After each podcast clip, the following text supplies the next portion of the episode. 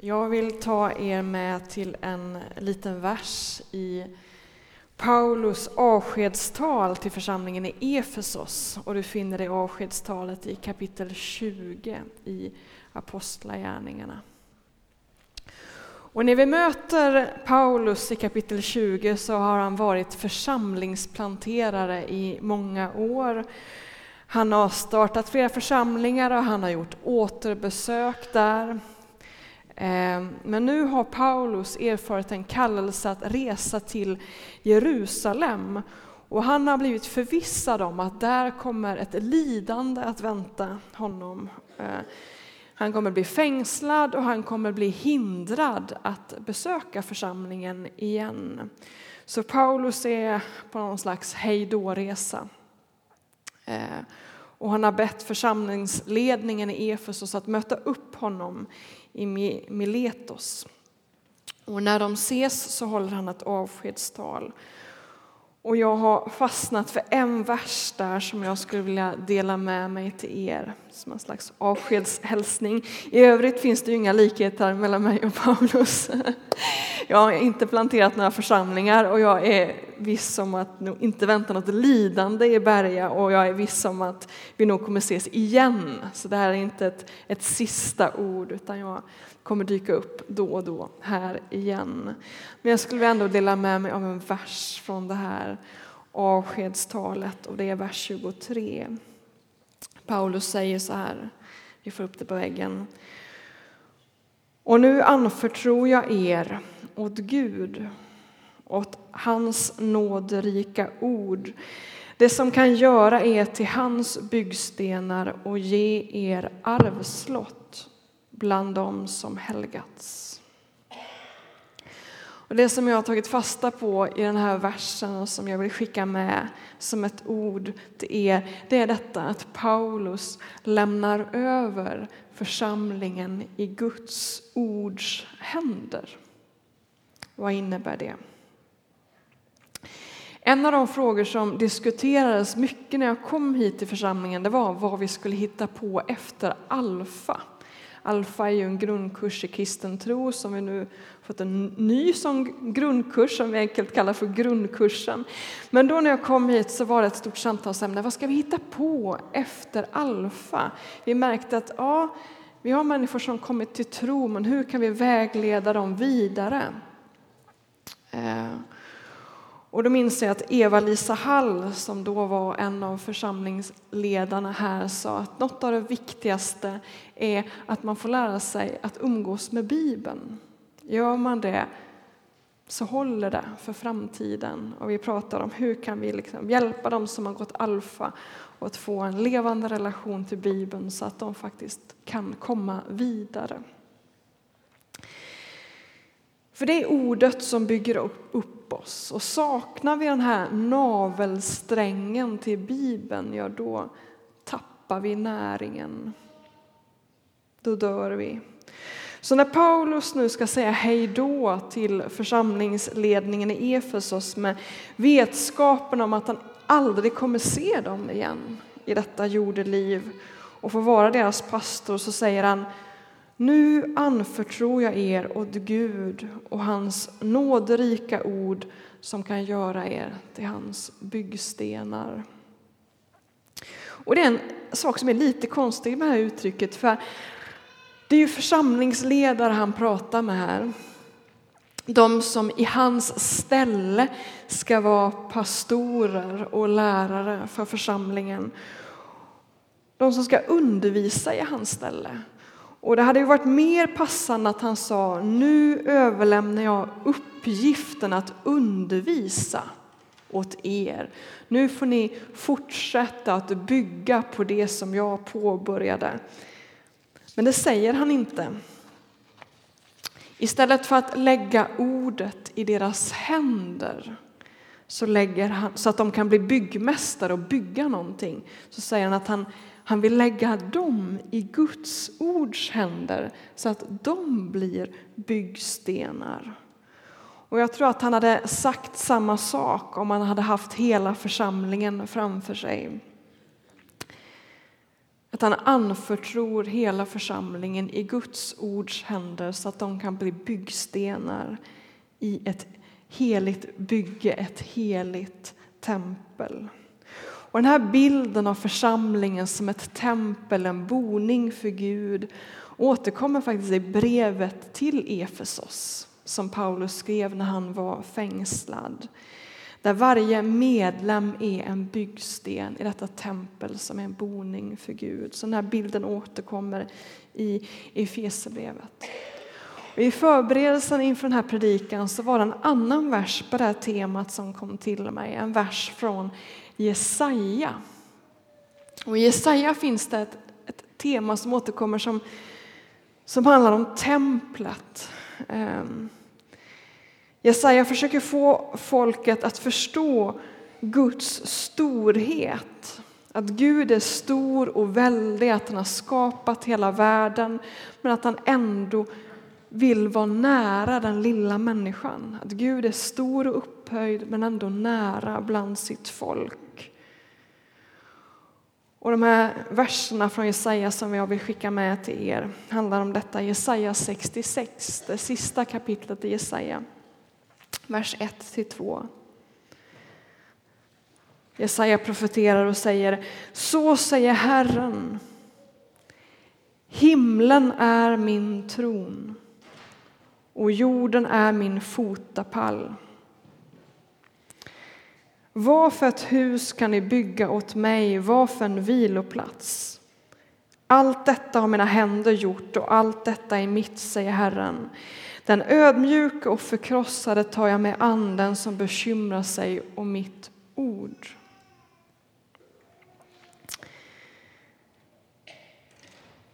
Vad för ett hus kan ni bygga åt mig? Israel uppmanas ju att bygga ett hus åt Gud, ett tempel av sten. Men Gud poängterar flera gånger att Gud ju egentligen inte får plats i ett sånt litet hus. Men han vill att det här templet ska vara en påminnelse om att Gud vill vara nära sitt folk. Att Gud vill vara en del av den här världen. Och när kung Salomo inviger det här templet så säger han i första krönikeboken kapitel 6 Men kan verkligen Gud bo bland, på jorden bland människorna? Himlarnas himmel rymmer dig inte, än mindre detta hus som jag byggt. Men så tillägger han, vänd dig ändå hit och hör din tjänares bön. Och så ber han en lång bön när han målar upp olika scenarier, hur folket i framtiden kommer att synda. Och så säger han, Gud hör oss den dagen som vi ber dig om förlåtelse. Och så avslutar han med, Kom, Herre Gud, till din viloplats. Och så faller det ner eld från himlen. Och så står det att Guds härlighet uppfyllde templet på ett sånt mäktigt sätt att man inte kunde gå in i templet utan folket blev kvar utanför templet och föll ner på sitt ansikte och tillbad Gud. Och genom profeten Jesaja så låter Gud hälsa Himlen är min tron och jorden är min fotapall. Vad för ett hus kan ni bygga åt mig? Vad för en viloplats? Men så tillägger han den ödmjuke och förkrossade tar jag med anden som bekymrar sig om mitt ord. Det här uttrycket tycker jag om, den som bekymrar sig om mitt ord. Det spelar ingen roll hur mycket vi fixar och donar här i församlingen. Om vi inte ställer oss under ordet så blir vi inte en boning för den helige. Om vi inte tillåter oss själva att bli bekymrade över ordet så blir vi inget tempel för Guds närvaro ett tempel där människor kommer hit så faller man ner på sitt ansikte och säger hos er finns verkligen Gud. Om vi inte ställer oss under ordet så sker inte det. För det är inte våra förträffliga liv eller vår fantastiska verksamhet människor ska komma till tro på, utan det är ju Gud. Det vi gör här gör vi för att människor ska få erfara Jesus och komma till tro på honom. Och vittnesbörden förra söndagen när vi lät döpa flera personer, de vittnade om just detta.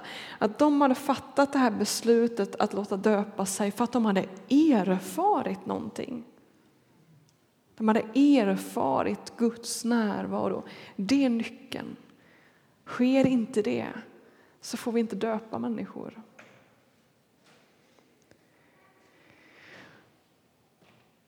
Om vi vill vara ett tempel, om vi vill vara Guds byggstenar så måste vi vara under ordet. Vi måste låta ordet göra oss bekymrade.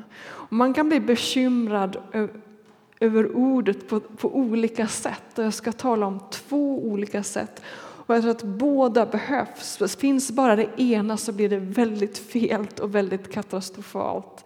Båda behövs. Men båda handlar om när vi märker att, att våra liv och det vi tycker oss läsa i den här boken inte stämmer överens. Vi behöver göra det ur två aspekter. Dels behöver vi ifrågasätta vår läsning av den här boken när vi tycker att det inte stämmer överens med hur våra liv ser ut.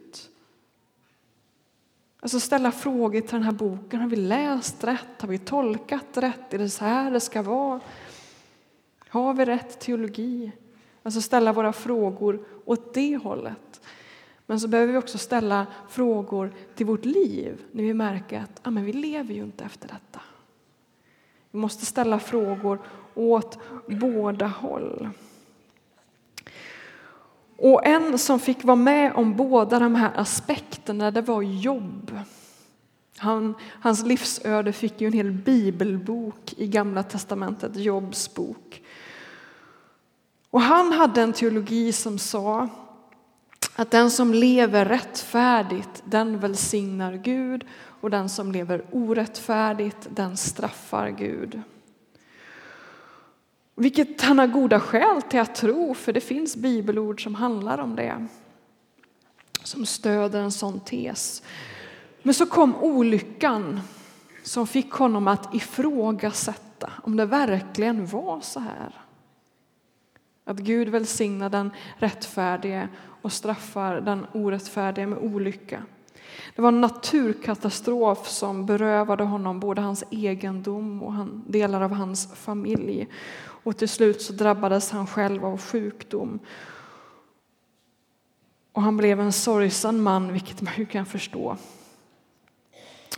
Och efter en stund så börjar han i samtal med sina vänner och i sin bön ifrågasätta Guds sätt att sköta den här världen. Han börjar ställa frågor. Håller det här? Är det här verkligen sant? Funkar det här? Gud, vad håller du på med? Och han börjar tvivla på sitt teologiska system. Och han börjar göra det högt. Han tyckte att han hade ansträngt sig för att göra det som är rättfärdigt, så varför straffas han nu på detta sätt? Och hans vänner de blir rasande på honom, hur, hur han kan ifrågasätta Guds ord på det sättet. De tycker att han hädar. Och det blir en debatt där.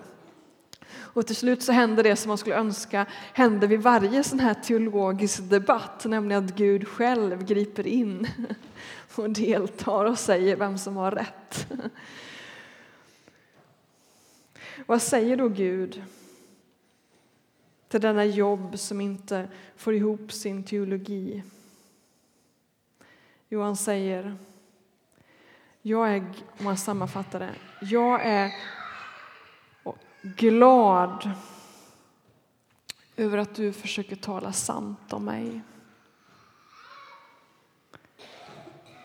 Jobs bok avslutas faktiskt med att han tycker att Jobb är den som har talat mest sant i den där debatten. Alltså han är glad över att Jobb tar det här på allvar, att han låter sig bekymras. Jobb var bekymrad över att han inte tyckte att hans livserfarenhet stämde överens med det han tyckte sig se i Guds ord. Och det fick honom att be och reflektera och att bekymra sig.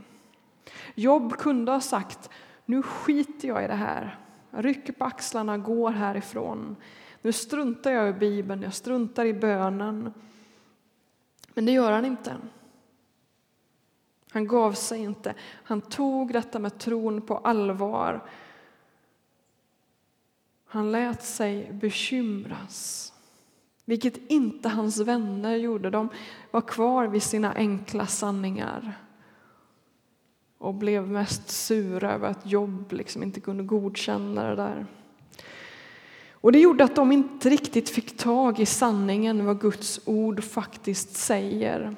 För Guds ord säger att Gud välsignar den rättfärdige och straffar den orättfärdige. Men Guds ord säger också att ondskan förföljer den som är rättfärdig, vilket var det som hade drabbat Jobb. Satan var ute efter honom på ett unikt sätt. Jobs vänner hade inte hela sanningen. Jobb sökte efter hela sanningen. Han bekymrade sig, han sökte och han fann. Så det är det ena sättet, att våga ställa frågor till den här boken utifrån hur våra liv är och blev. Och Men det får inte bara vara det.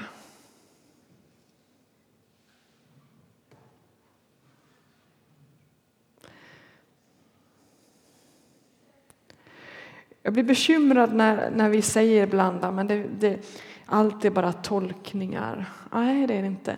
Precis som i all vetenskap så finns det dåligt underbyggda tolkningar och bra underbyggda tolkningar. Vi ska ha det samtalet om vilken tolkning som är mest underbyggd.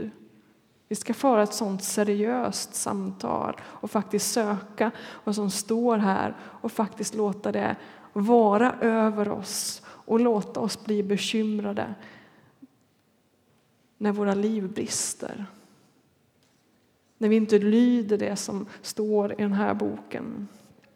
Och det är den andra aspekten av detta, att vi måste låta oss bli bekymrade över våra liv. Att låta Guds ord ha ett tilltal in i våra liv och hur vi lever. För det som också sker i Jobs bok det är att Gud faktiskt säger det är jag som har skapat den här världen. Det är jag som, som vet hur det här funkar. Lyssna på mig. Jag har ett perspektiv som du inte har, Jobb. Och Jobs bok avslutas med att Jobb ångrar just detta, att han i vissa stunder glömt att han är människa och att Gud är Gud. Och han säger i kapitel 42, vers 6. Jag är till intet jord och ångrar mig i stoft och aska. Jobb är en man som vågar bråka med Gud, men som också ödmjukar sig. Båda de här aspekterna finns. Jesaja sa, så säger Herren, Himlen är min tron och jorden är min fotapall. Vad för ett hus kan ni bygga åt mig? Vad för en viloplats? Allt detta har mina händer gjort och allt detta är mitt, säger Herren. Den ödmjuka och förkrossade tar jag mig an, den som bekymrar sig och mitt ord. Alltså den som låter sig bli förkrossad över den dom som Guds ord faller över våra liv, den tar sig Gud an. Den personen blir en byggsten i Guds bygge. Och en gemenskap som består av personer som låter sig bekymras över ordet blir en gemenskap där andra människor finner Gud. Paulus sa att han nu anförtrodde församlingen åt det nåderika ordet. Det finns nåd för den som bekymrar sig. Det finns inte nåd för den som inte bekymrar sig, men det finns nåd för den som bekymrar sig.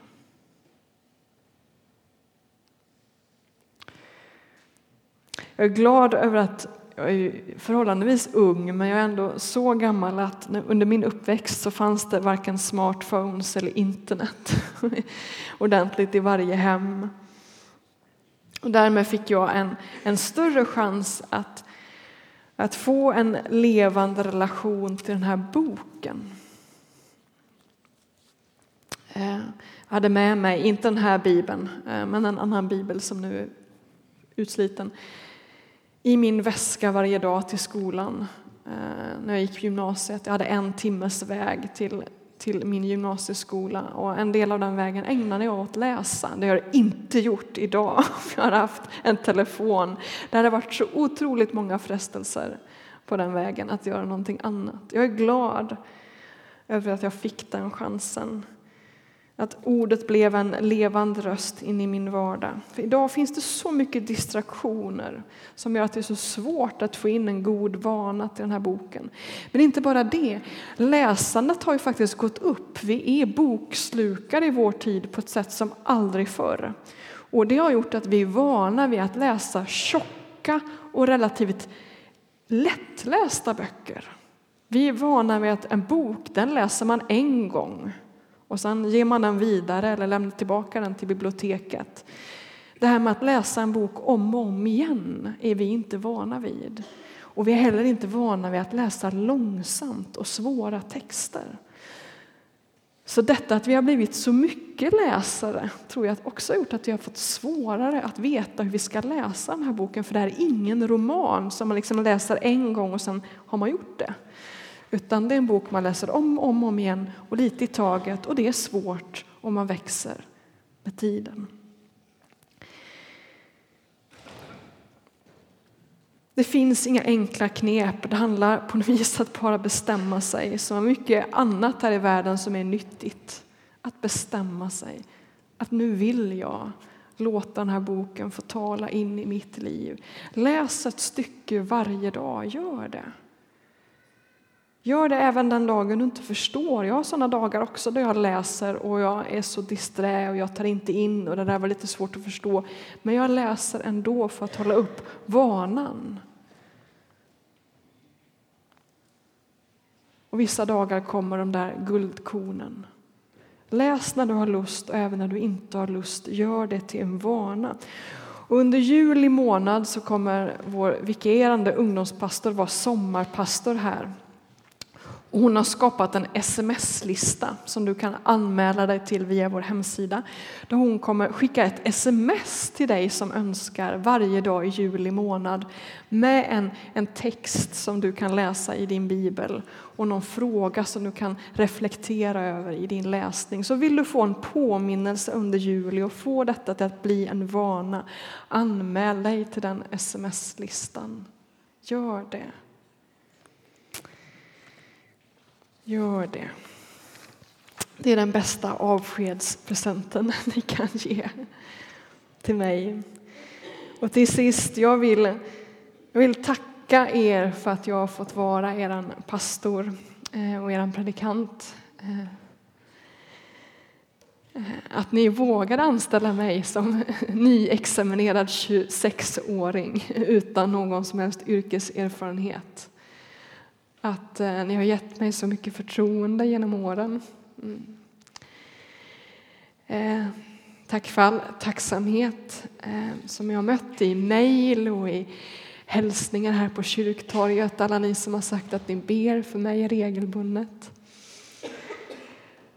Och jag har verkligen känt mig älskad av er och det vill jag att ni ska veta. Av både gamla och unga. Och jag vill tacka alla ledare som jag har fått jobba med tillsammans under de här åren. Eh, att få göra det här tillsammans med er och få se er växa och hitta era uppgifter. Och alla nya medlemmar som jag har fått möta i stegen i församlingen som har varit hemma på lunch hos mig. Eh, och för att ni har delat era livsberättelser med mig i enskilda samtal. Är jag otroligt tacksam för. För goda kollegor.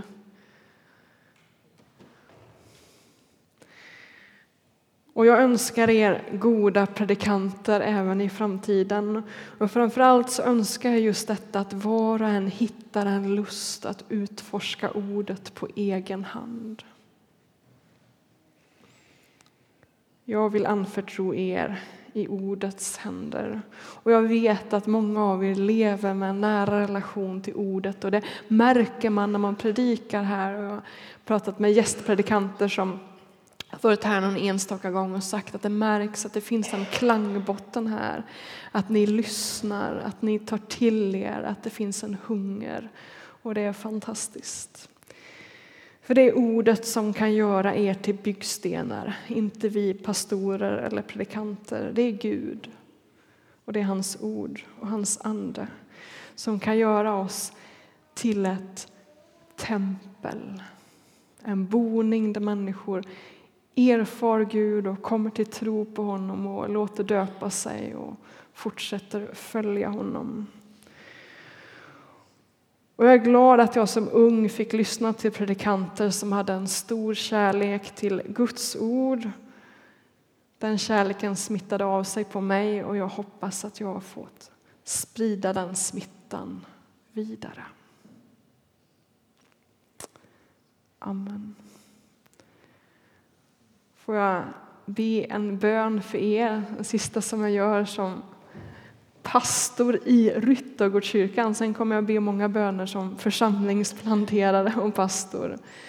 Men eh, låt oss be tillsammans när vi går vidare i den här gudstjänsten.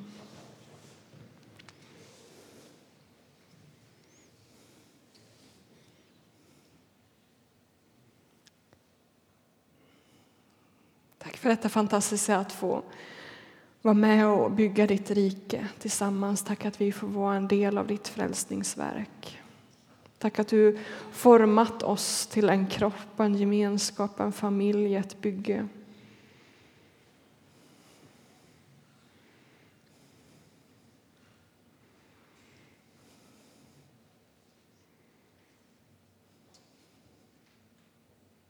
Ber att allt som har såtts ut de här åren skulle få bära frukt, mycket frukt. Vi ber att de visioner som vi har talat ut tillsammans om att få döpa många, att få plantera flera församlingar, att få bli en generationsöverskridande och mångkulturell församling. Vi ber att det skulle få ske.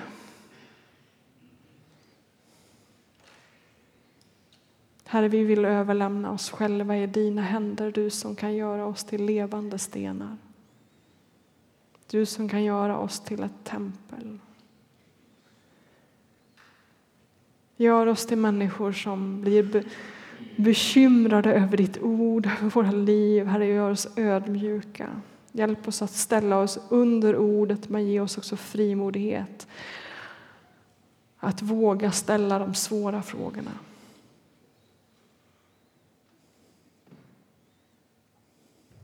Hjälp oss att finnas i den här spänningen mellan livet som det är och det som vi läser i Bibeln. Hjälp oss att hantera det väl. Och jag vill be om din stora och rika välsignelse över Ryttargårdskyrkan. Tack för de här åren. Jag har fått vara här.